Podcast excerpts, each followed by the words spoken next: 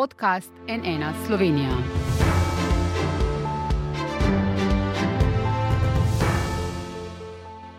Dobr dan, to je NN studio. Kaj bo Anžel Logar storil s političnim kapitalom, ki ga je pridobil na predsedniških volitvah?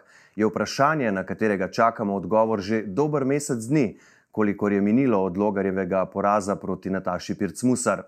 Bo na čelu SDS zamenjal Jana Zajanšo, bo ustanovil svojo stranko, dela načrte o svoji politični prihodnosti sam ali pa pod budnim očesom Jana Zajanše, hegemona na desnici, kjer po letu volilnih porazov vlada zelo visoka napetost. Matej Tonin daje jasno vedeti, desna sredina mora skovati načrt, kako bo lahko na volitvah zmagovala. A z Janezom Janšo po njegovi oceni to ni več mogoče saj se, tako Tunin, vsake volitve sprevržejo v glasovanje proti Janši in tako uprit levi sredini. Anželogar je danes ekskluzivno v našem studiu, to je njegov prvi intervju po koncu predsedniške tekme. Dobrodan, dobrodošli. Lep pozdrav. Torej, gospod Logar, vsake volitve se sprevržejo v glasovanje proti Janši, sporoča prvak Nove Slovenije Matej Tunin. Ali je bilo po vaši oceni tako tudi na predsedniških volitvah? Ki ste jih sicer izgubili, ampak hkrati je pa za vas glasovalo kar 414 tisoč voljivcev, kar je po številu glasov drugi, po odstotku podpore pa celo najboljši rezultat predsedniškega kandidata z desnega pola doslej. Nesporno je desna sredina v krizi in pred resnimi izzivi za naprej, eh, zato zelo jasno vprašanje tudi za vas. Je čas, da se Janez Janša umakne z političnega prizorišča? Zdaj sem šel to predsedniško kampanjo z nekim jasnim sporočilom, da eh, glasovanje proti, ki ga eh, spremljamo praktično od leta 2008 v slovenskem političnem prostoru, ehm, ne prinaša želenega rezultata. In zato sem tudi jasno povedal, da bo moja kampanja kampanja za. In eh, smo na ta način oblikovali tudi pač slogan za prihodnost. Zdaj, na vprašanje, ali so zmagali glasovi proti, um, na nek način so. Na nek način so, ampak hkrati je tu tudi pozitivno sporočilo. Bilo je velik del volilnega telesa, ki se je odločil glasovati za. In teh 414.029 glasov je glasovalo za. In mislim, da je to pomembna popotnica, ki kaže tudi pot naprej. In verjamem, da je tudi pri proti kandidatki, gospe Pirc Musar, dobršen del um, glasov bil glasov za. Vendar pa je bil ravno zaradi postavljanja nekega enačaja um, tudi določen del glasov proti in ti glasovi proti so pač odločili tudi te volitve. Žal, ampak uh, v politiki je vedno tako, da um, voljivci imajo vedno prav in da se iz vsake take zgodbe nekaj človek nauči. Uh, mislim pa, da je tisto, kar bo Slovenijo pripeljalo naprej in kar nam bo vsem dalo to zadovoljstvo, da vendarle politika izvršuje pričakovanje voljivk in voljivcev, je tisto, ko bo enkrat v prihodnosti zmagal glas za. No, dejstvo je, da je SDS letos izgubila parlamentarne volitve, posredno tudi predsedniške, potem še vse tri referendume. Lokalne volitve pa so pokazale, da stranka v večjih mestih izginja. Vi ste po prvem krogu lokalnih volitev odstopili kot predsednik mestnega odbora SDS eh, Ljubljana. Rekli ste, da je tako prav, ker rezultat ni dober. Vi očitno prevzemate odgovornost za poraze ali potem takem tudi menite, da bi moral z mesta predsednika stranke po letu političnih porazov odstopiti Janez Janša? No, to ste pravilno povedali, jaz prevzemam odgovornost. Ja, mislim, da je verjetno tudi zaradi svoje izkušnje v Evropskem parlamentu, ker sem od 2003 do 2006 spremljal praktično z delovne mize evropsko politiko, me je na nek način to oblikovalo, tudi moja politična miselnost in način razmišljanja pri teh vprašanjih. In sam pač vedno sem tako ravnal. Rezultat na lokalnih volitvah v Ljubljani je bil poraz. Um, in zato sem sprejel politično odgovornost. Tudi v predsedniški kampanji sem pa že dejal, da sam ne sodim drugih, lahko odgovarjam samo za svoje dejanja. Ampak vendarle, vprašanje je kar preprosto. Ne? Ali bi moral po takem volilnem letu Janez Janša odstopiti kot predsednik stranke, da ali ne? To je njegova odločitev. On vodi stranko, uh, vodijo že pač dlje časa. In, uh, ukolikor bi se sam tako odločil, bi se pač to odločil. Vse to je vprašanje ravno tega, te uh, politične odgovornosti, da o politični odgovornosti presoja vsak sam. Jaz sem sam na svojem primeru, v, na primeru Ljubljanskega odbora, presodil, da s svojo aktivnostjo ne morem več izboljšati tega rezultata, kot sem ga dosegel uh, leta 2018, da je um, ta rezultat pač predstavljal um, nek drastičen padec na vzdolj in zato sem prevzel to odgovornost. Pa ste mu morda rekli po takem volilnem letu, po letu porazov, da naj razmisli o tem, da odstopi, ali se sploh niste o tem pogovarjali po, uh, po vseh teh volitvah? Jaz prevzemam odgovornost za odbore oziroma za um, organe, ki jih sam vodim. In uh, za Ljubljanski odbor tudi bi bilo za mene neverjetno, če bi mi kdo drug pred, pred, predsodil to, oziroma poskušal na ta način uh, sugerirati. Smo pa imeli odprto razpravo na to temo v Ljubljanskem odboru, tam sem svoje povedal, kar se tiče državnih stvari, je pa to stvar predsednika stranke in pa tudi izvršilnega odbora. Torej, razumemo, da imate različne standarde, ampak tudi, da mu očitno niste povedali uh, tega, oziroma ga, ga, ga pozvali k razmisleku o tem. Kmalo po porazih na referendumih je sicer Janša članom stranke poslal pismo, v katerem upravičuje slabo leto za SDS. Zapisal je tudi, da se je v Destrniku v polni sestavi sestala poslanska skupina SDS, ki je, citiram, enotno začrtala smer delovanja v prihodnje, stranka pa da ostaja močna, odločna, državotvorna in enotna. Konec citata. Vi ste bili očitno tam, gospod ja, ja. Bogar, se ste seveda poslanec SDS. Kaj konkretno pomeni, da je stranka enotno začrtala smer delovanja v prihodnje? Kakšna smer je to konkretno? Gre stranka naprej z Janšo ali pa ga boste na mestu predsednika SDS zamenjali vi? Zdaj, to vprašanje se vsake pet minut pojavlja v slovenski javnosti. Mislim, da je nepotrebno uh, izpostavljati ta vprašanja, posebej zunaj stranke, ki boste razumeli, sama odloča o tem, po, kat po kateri poti uh, gre stranka naprej. Zdaj, na tem posvetu smo um, na nek način naredili presek leta in uh, načrte za naprej. Uh, vsak poslanec je predstavil tudi svojo vizijo. In uh, v tem pogledu mislim, da je bila debata zelo, zelo koristna, zelo odprta in res brez kakršnih koli zadržkov. Kakšna je pa vaša vizija? Ste rekli, da je vsak poslanec predstavil svojo? Ja, jaz, jaz, jaz stojim, stojim za tem, kar sem predstavljal v predsedniški kampanji. Um, vedno se bom zauzemal za kampanjo za.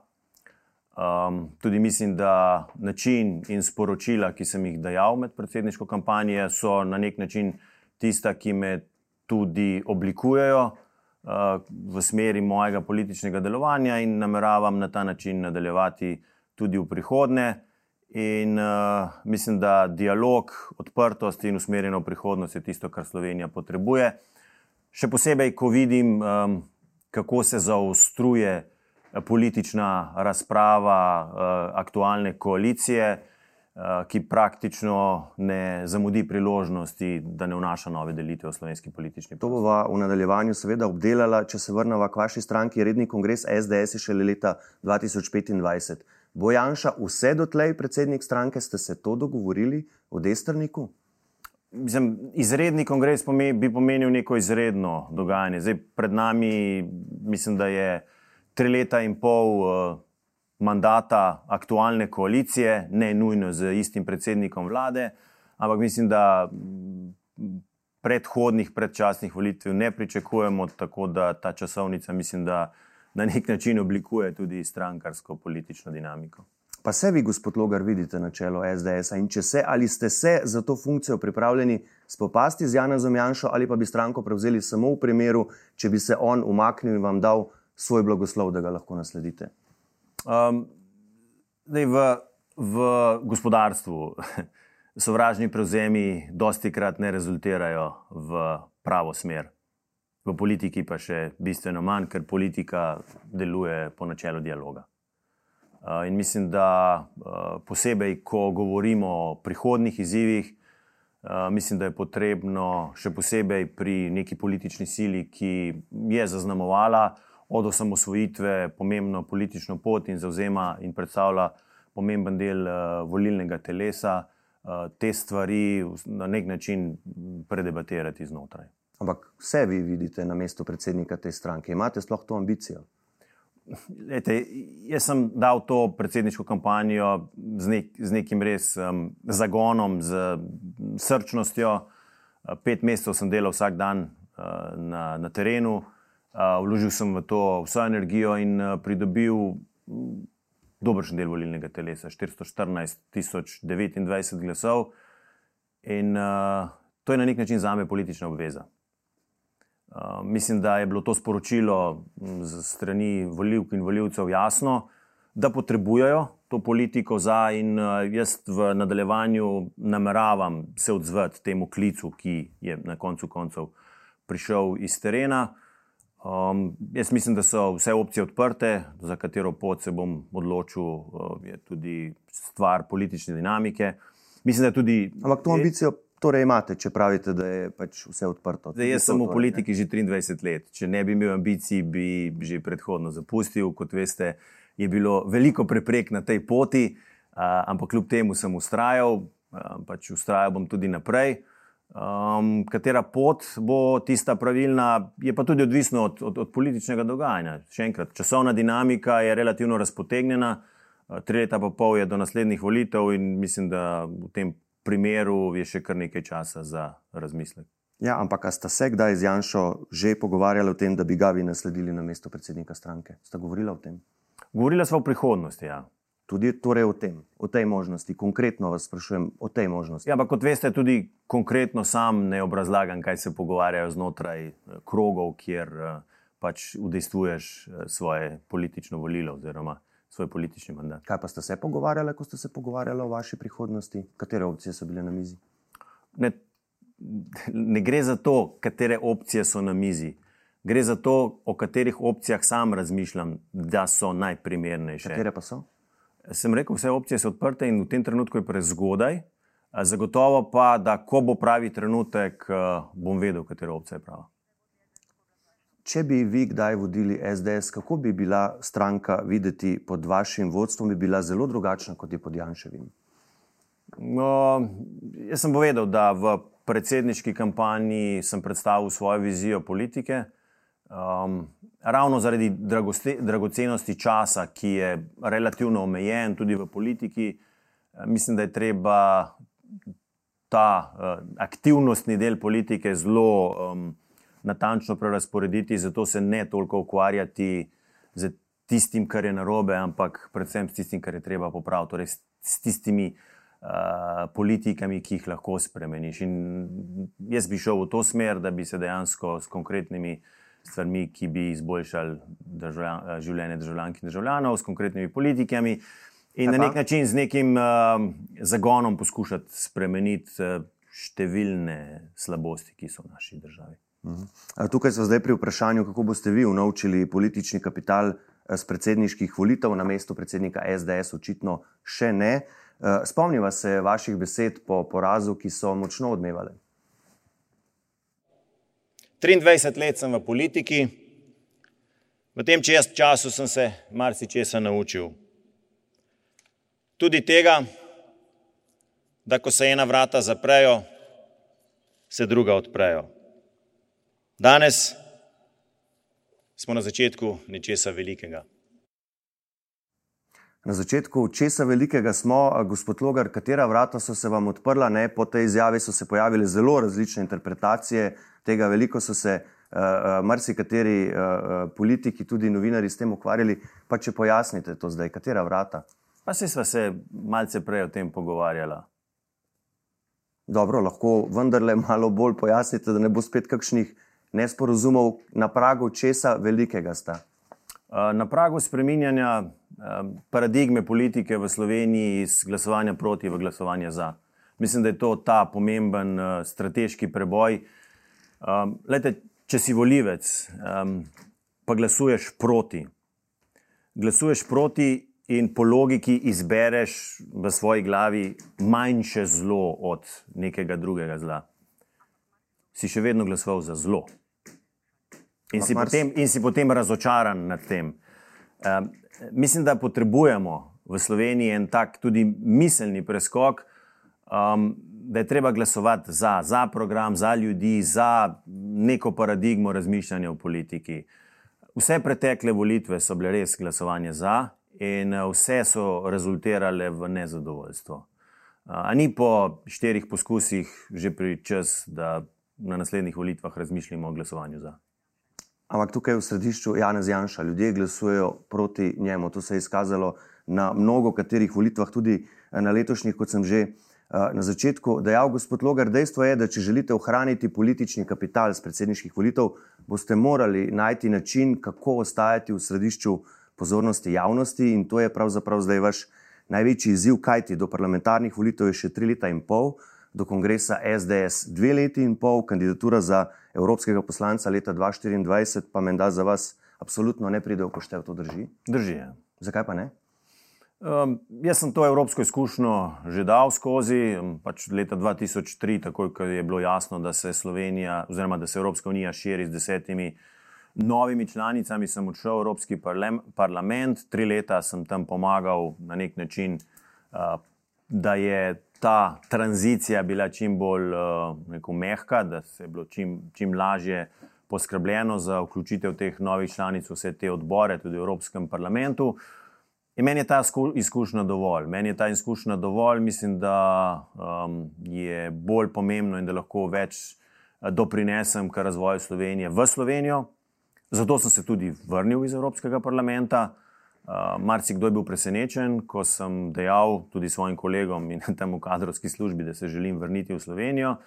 Uh, ker ponavadi tega ne, ne, ne, ne počnejo tisti, ki se zaposlijo v, v, v evropskih institucijah. Ampak vrnil sem se ravno zato, ker je moj občutek, da lahko več spremeniš in več prispevaš k razvoju doma.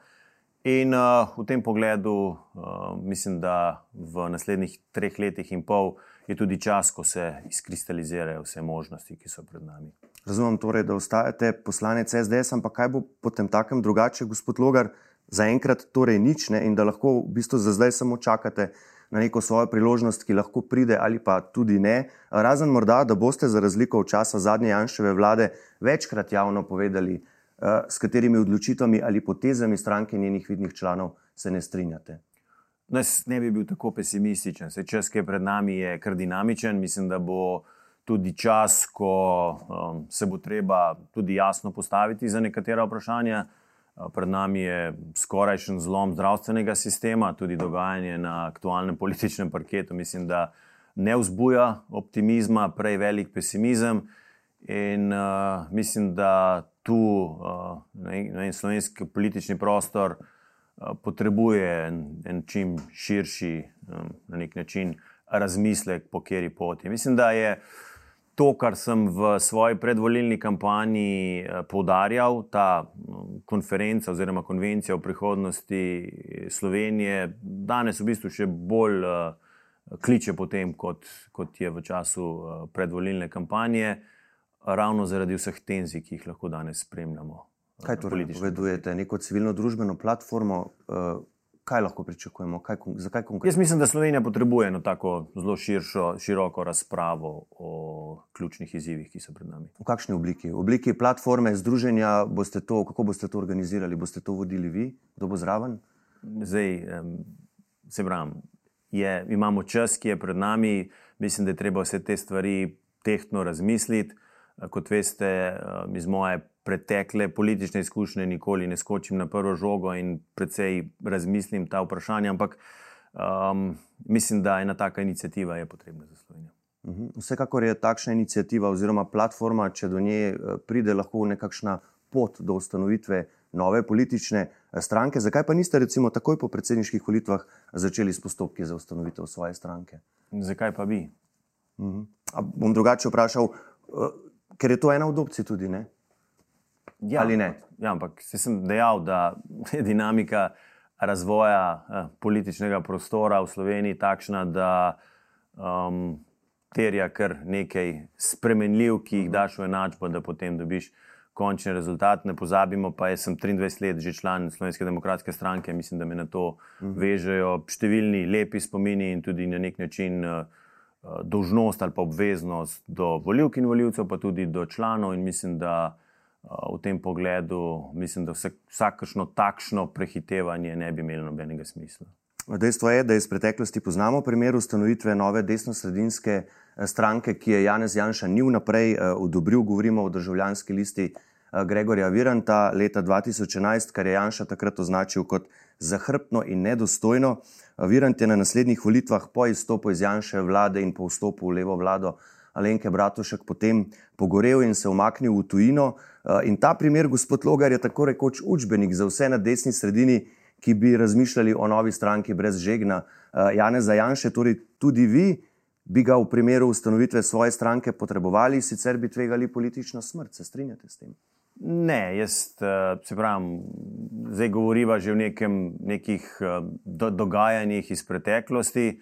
Ki pa so indikativni, to pa, to pa so. Ne? Ja, ampak gledajte, tudi med predsedniško kampanjo so vlekli težke paralele z predsedniško kampanjo um, gospoda Petrleta, da je to identičen primer. Sicer nisem zmagal, ampak rezultat je pa bistveno drugačen in popolnoma nobenih paralel v tem pogledu ni bilo moč potegniti iz, iz te zgodbe. Mislim, da je vsaka politična um, na nek način. Pot posebna, odvisna od okoliščin, na koncu konca odvisna tudi od sreče in od tega, kakšen pristop imaš. Jaz v vse te korake, ki sem jih delal, uh, sem vedno stopil brez nekega ne vem, težkega zakulisnega načrta, ampak zelo transparentno na vzven, celo tako, da mi v predsedniški kampanji marsikdo ni verjel, pa čeprav je bilo res temu tako. In uh, vse te projekte ali pa projekta, ki se ga nameravam lotiti v prihodnje, bodi si pač znotraj stranke, bodi si drugače, bo, bo vse javno, ne bo nobenih takih rekel, skritih načrtov. Mhm. Glede, ko je Virant eh, leta 2013 zaradi poročila KPK o premoženskem stanju zrušil Janševo vlado, je, preden je to storil, ponudil tudi tole opcijo. Janša naj se umakne z mesta predsednika vlade, SDS naj postavi drugega premija in vlada bo šla naprej. Eh, to je Janša zavrnil, ni bil pripravljen premijskega položaja prepustiti nekomu drugemu. To vas sprašujem tudi zato, ker se zdaj omenja tudi možnost tako imenovanega polskega modela, torej Kačinski, Moravecki. Torej Janša ostane predsednik stranke, mandatarski kandidat SDS-a na naslednjih parlamentarnih volitvah, pa ste vi. Je to realno, je to opcija, se o tem z Janša pogovarjata? Zdaj, najprej, kar se tiče um, vprašanja, kdo je predsednik vlade, pa kdo odstopi, in tako naprej. Um, še enkrat, eh, mi imamo v Sloveniji neko politično kulturo, ki mislim, da ni ravno eh, smotrna, da iz drugih strank drugim strankam napoveduje, kaj ne naredijo. Mislim, da je to treba biti pošten, o tem odloča vsaka stranka posebej. In tudi, ko je bilo vprašanje um, predsednika vlade v tisti vladi 2012. 2013, ki je sprejemala prave ukrepe in bila zelo učinkovita, to lahko rečem, um, je, je, je bila odločitev, to, odločitev sveta stranke. Ne? Mhm. Sveta stranke, pač predsednik eh, tedanje vlade in predsednik SDS-ja je pač dal svoj mandat na razpolago svetu, in svet stranke se je tako odločil, in predsednik stranke je zavezan eh, te, tej odločitvi. Tako da v tem pogledu mislim, da ni korektno um, izpostavljati, eh, češ, da gre za nek, nek, nekakšne egoistične težnje. Kar se pa tiče drugega primera, um, tako imenovani polski scenarij, pa to ne pride v poštev. Torej, zakaj pa ne? Ne, mislim, da je nemogoče, ali pa saj je skregano z mojo naravo, da bi vem, predsednik vlade bil nekdo, ali pa da bi bil sam predsednik vlade. Uh, vsi, ki bi imeli politično moč, torej ki bi bili uh, nosilci politične moči, bi bili pa, pač zunaj tega kroga. Ne? Potem je uh, predsednik vlade v bistvu eh, zelo šibka figura. Ja, tukaj gre za vprašanje neodvisnosti. Ne? In to je tudi v bistvu ključno vprašanje vsega tega, o čemer zdaj uh, govoriva, in je prav, da v bistvu razčistiva. Ali vi načrte v svoji politični prihodnosti delate sami ali skupaj s predsednikom vaše stranke? Um, zdaj, jaz lahko delam stvari samo, za katerimi stojim.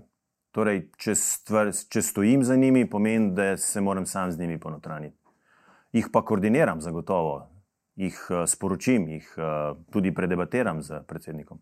Mhm. Glede, ker eh, Janša je v intervjuju za demokracijo razkril, da vam je prav on svetoval predsedniško kandidaturo izključno s podpisi voljivcev. Je to res? Ja, ja. Torej, to je bila njegova ideja, njegova zamisel. Ja, gledajte, po, po 23 letih članstva in nekaterih funkcijah, ki so vem, predsednik sveta, druga najpomembnejša, da je da prideš eh, pred svoje strankarske kolege, da želiš kandidirati na lastni platformi. Je, verjemite, ker um, zanimiv izziv. In zato je bil tudi moj prvotni predlog, da kandidiram kot samostojen, ampak z podpisi, torej s podpisi voljivcev, pa hkrati tudi kot kandidat stranke, kar je na nek način omogočilo mm, strukturo, pa tudi smer kampanje, ki sem si jo zadal. Po podpisih, ko je bil odziv takšen na terenu, sem pa sem hvaležen, da je tudi predsednik stranke videl, da je ta varijanta še boljša. In v tem pogledu je potem padla tudi ta odločitev, da kandidiram kot popolnoma samostojen. To torej pomeni, da je Janša usmerjal vaše delovanje v kampanji, vi pa ste na drugi strani vse čas voljivcem zatrjevali, da kampanjo vodite samostojno in jim hoteli dopovedati, da ste od Janša drugačni in neodvisni. Kdo torej zdaj govori resnico, gospod Logar, vi ali gospod Janša? In tukaj se res zdi, da vi vse skozi z njim usklajujete načrte o svoji politični poti, da brez njegove privolitve ne, more, ne morete narediti ničesar, če pa bi, bi pa tvegali, da vas Janša politično uniči. Zdaj, te ali brez njegove privolitve nismo imeli možnosti testirati, ko sem pač predlagal, da ko sem predlagal in predstavil svojo idejo, da kandidiram za predsednika uh, republike. In ko sem izbral to na nek način srednjo pot, uh, je po nekaj časa uh, se stranka strinjala s tem, da na ta način kandidiram. Zdaj, če se ne bi strinjala, bi bil razmislek pri meni, da grem v samostojno kampanjo. Uh -huh. Uh, do tega ni prišlo, uh, ker je pač stranka prepoznala ta potencial in podprla to kandidaturo.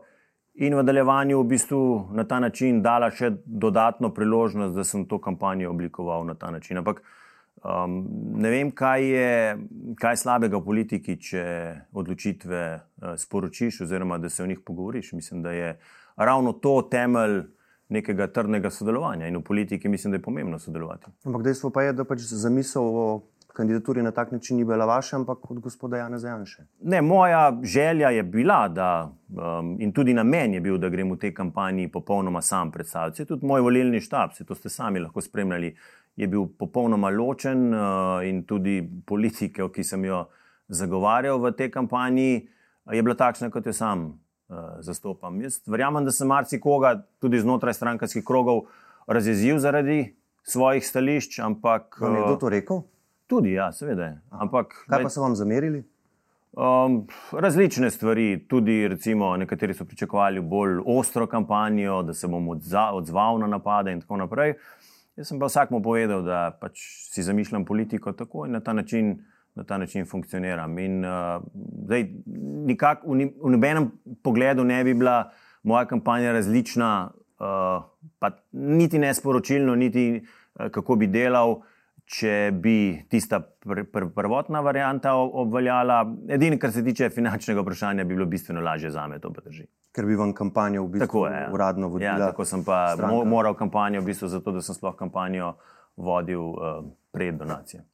Ja, pa v bistvu, uh, kot ste dejali, prostovoljci so vam v bistvu na prostovoljni bazi. Vse bo na prostovoljni bazi. Mm. Ja, ja. Uh, zdaj, Nataša Pircmusar bo naslednji teden tudi uradno postala predsednica republike. Položaj prevzema v času, ko spremljamo prvo vladno krizo vlade Roberta Goloba zaradi konflikta med premijem in zdaj že bivšo notranjo ministrico Tatjano Bobnar ki pa očitno v uradu nove predsednice ne bo našla zatočišča, ker bi se zaradi tega med novo predsednico in premijejem odnosi zaustrili praktično že takoj na začetku mandata. Nataša Pirc Musar, kako vi vidite to situacijo? Gre za načelno ali praktično odločitev novo izvoljene predsednice, da k sebi v urad ne vzame zdaj že bivše notranje ministrice? Mm, to je pa čisto njena odločitev, to pa res uh -huh. mislite, ne morem komentirati. Kako pa vidite to situacijo, to vladno krizo? Prej ste nekako omenili že, da uh, sicer so volitve čez tri leta in pol, ampak da ni nujno, da bo premijer isti. Yeah. Ja. Zakaj? Zdaj ta teden um, je res pestro politično dogajanje. In um, jaz moram reči, da me, da me je prvič po um, šestih mesecih pač te vlade dejansko zaskrbelo za prihodnost Slovenije. Posebej lejte, izzivi, ki so pred nami, um, zdravstvena kriza, varnostna kriza, energetska kriza. Kaj pa predsednik vlade pove kot ključno sporočilo pred poslanci? najni poti za ministrico za notranje zadeve sta se rešili na vprašanju osebnega varovanja. Oprostite, osebno varovanje je nekaj, o čemer mislim, da v politiki ni mesta za razprave, še posebej pred izzivi, ki so pred nami. Danes bi morali vsakodnevno razpravljati o ključnih strateških vprašanjih, kar se varnosti tiče, kako bomo zdravstveni sistem rešili. Jaz sem v parlamentu na odgovorih v sredo na poslanska vprašanja slišal, da se reforma zdravstvenega sistema pripravlja šele za leto 2024. Pa vemo, da je stanje res alarmantno, ki bi potrebovalo ne gasilske ukrepe, ampak takojšno, takojšno, nujno politično medicinsko pomoč.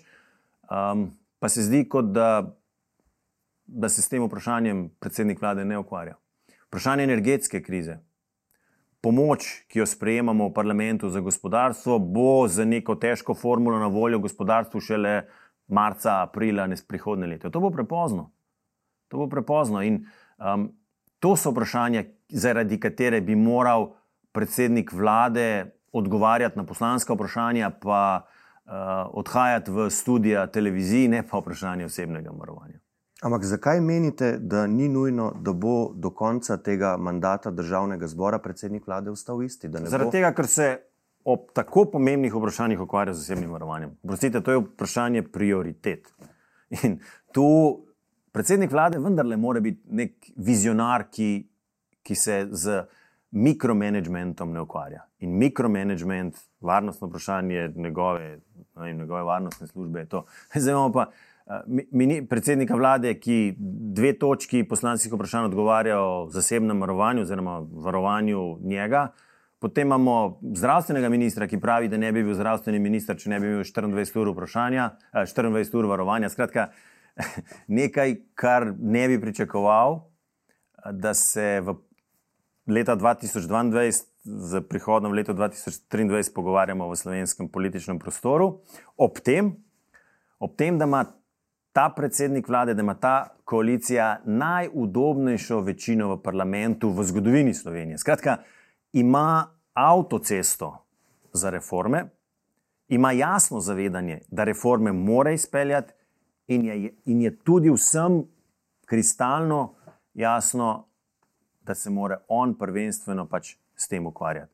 In se od, tega, od njega to tudi pričakuje. In kot volivec, um, kot državljan, pričakujem, da bo vlada poskrbela za mojo prihodnost, za prihodnost mojih otrok in bo na ta način se ukvarjala s stvari, stvarmi, ki so nujne, ne pa ki se tiče res čistih banalno, banalnih vprašanj. Je pa pri tej eh, vladni krizi nesporno tudi to, ne, da vaša stranka SDS, ki je v prejšnjem mandatu Tatjano Bobnar in Boštjana Lindova poslala v Tacen, ki velja za nekakšno kazensko kolonijo, zdaj poudarja strokovnost Tatjane Bobnar in se postavlja kot stranka, ki bo branila neodvisnost policije, pri čemer je ravno Tatjana Bobnar eh, za prejšnjo vlado jasno rekla, da je teptala neodvisnost policije in po njej neusmiljeno čistila.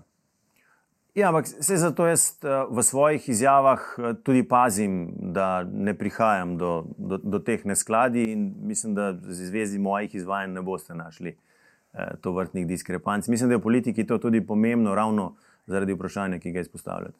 Ampak politična situacija pa je malce perverzna. Bom kar ta izraz uporabil, se vam ne zdi, da je zdaj SDS tista, ki je. Bom rekel, prvi branik strokovnosti Tatjane Bobnar. No, ampak se imamo na drugi strani pa en mesec nazaj, ko so na interpelaciji poslanci koalicije hvalili strokovnost, celo ko je vodja poslanske skupine, gospod Sajevic, rekel, da je gospod Bobnar en od temeljev te vlade. Ja, ampak jaz vas tle, tu sprašujem ja, sej, o, o stališčih vaše stranke. Ja, ja, ne, se, ne. Se, zato vam pravim, da v slovenski politiki uh mhm. -huh. imamo zgodovinski spomin. In ko je treba paziti, na, na kakšen način uh, v bistvu tudi predstavljaš svoje stališče, se strinjam z vami. Ja.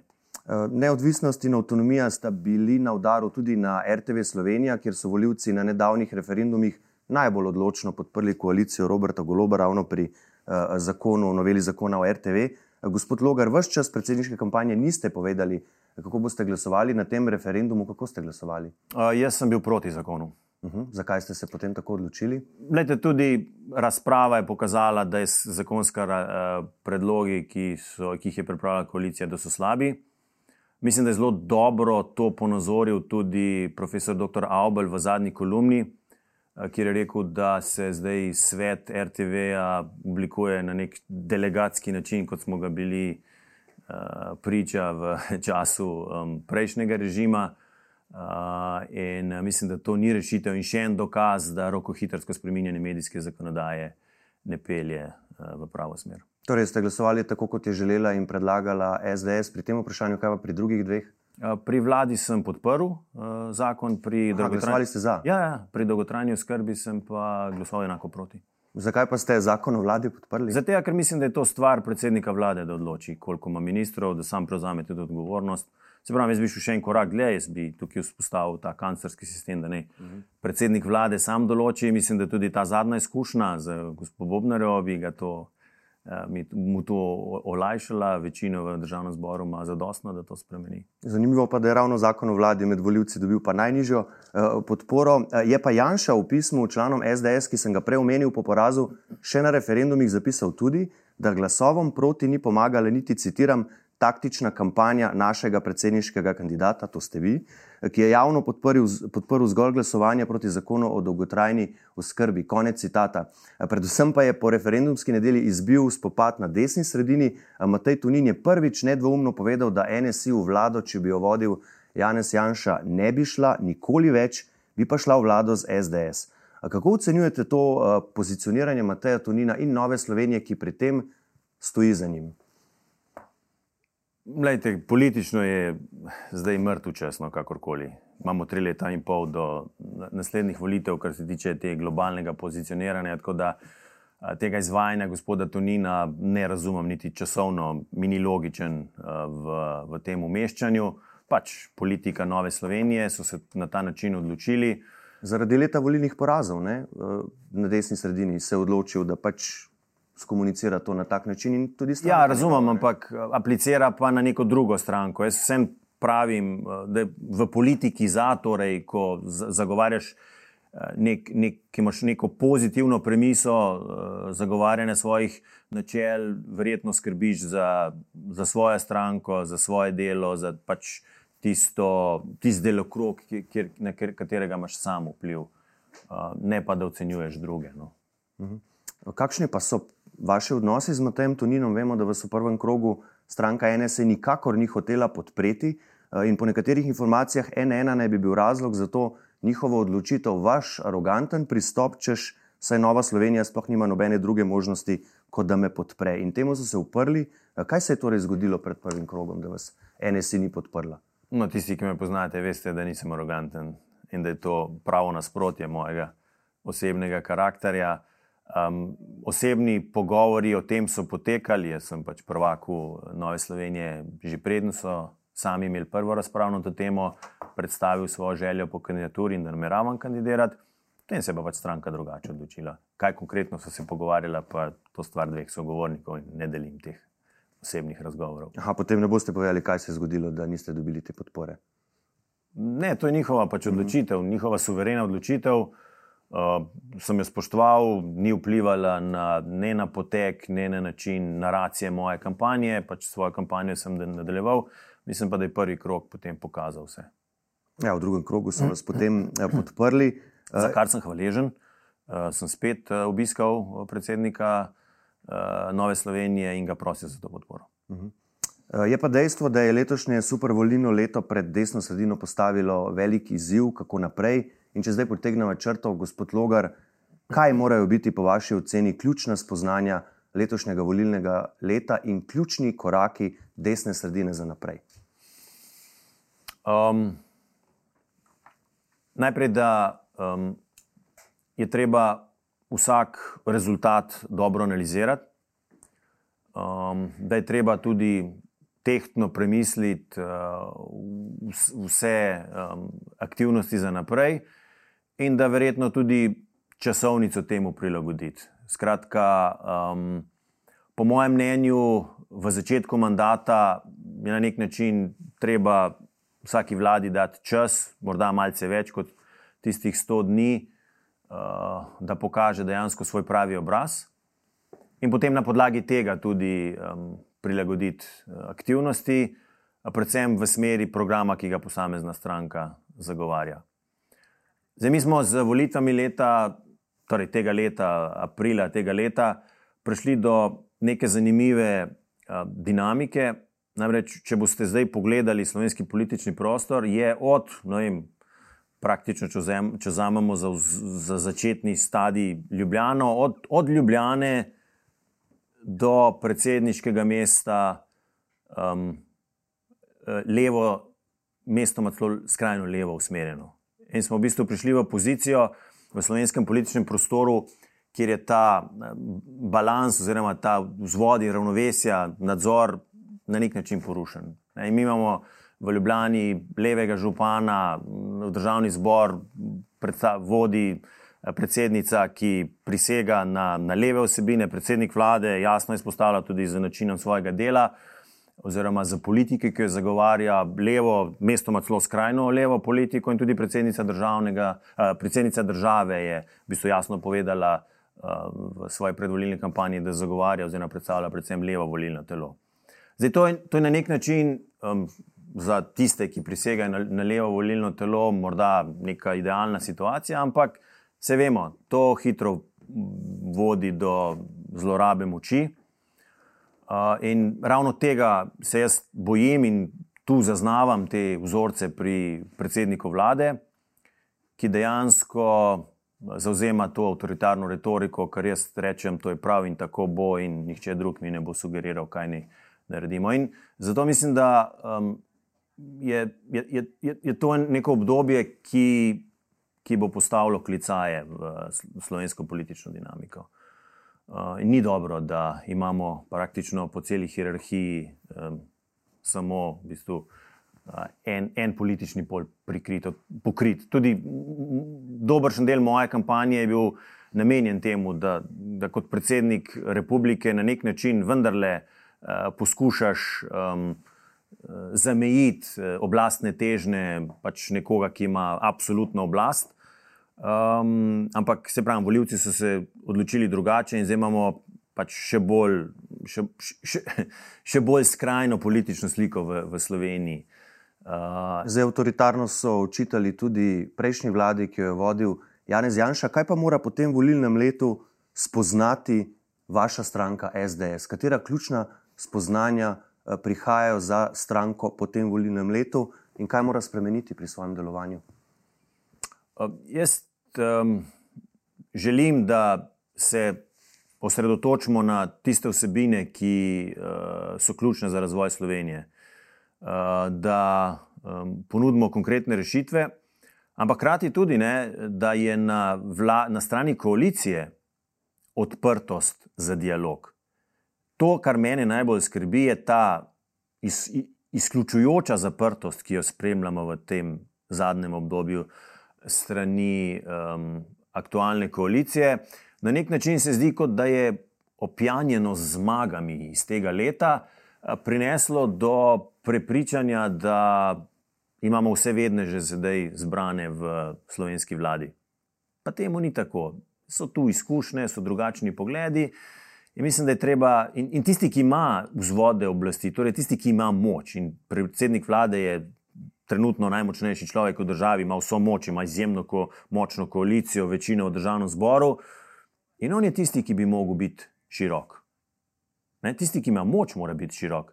Tisti, ki je v opoziciji, tisti ne more biti močen. Zdaj v Sloveniji se pokvarjamo glavno z opozicijo šele v zadnjem tednu se ukvarjamo z koalicijo, ampak samo zato, ker je predsednik vlade zakuhal neko afero, ki je po mojem mnenju čisto nepotrebna. Um, in uh, v, v tem pogledu mislim, da potrebujemo ta preboj v zavedanju, da je treba iskati dialog. Zdaj sem to v svoji kampanji zagovarjal in jaz upam, da je predsednica države, ki je pač zmagala, potem na nek način vsaj deloma ponotranila tudi ta, um, to potrebo po dialogu. In upam, da bo ona, kot predsednica republike, uh, iskala most in iskala ta dialog z različnimi slečimi, in da se bo zavedala, da imamo v Sloveniji um, svetovno-nazorsko različne državljanke in državljane, ampak da imamo vsi enake pravice.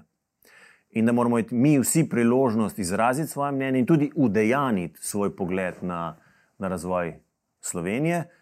In še posebej zato, ker je zdaj praktično cela politična hierarhija levo usmerjena, mislim, da je potreba potem še bistveno večja. Veliko več besed najdete za koalicijo Roberta Goloba, pa, kot pa za uh, lastno stranko. Gospod Anžel Logar, najlepša hvala, da ste bili gost ene na Slovenijo. Hvala tudi vam za povabilo. Hvala pa tudi vam za vašo pozornost. Zagotovo bo ta ekskluzivni intervju z Anžetom Logarjem odmeval. Tudi odzive na njega boste lahko našli na enenainfo.si. Za danes pa, kot rečeno, hvala za vašo pozornost in nasvidenje.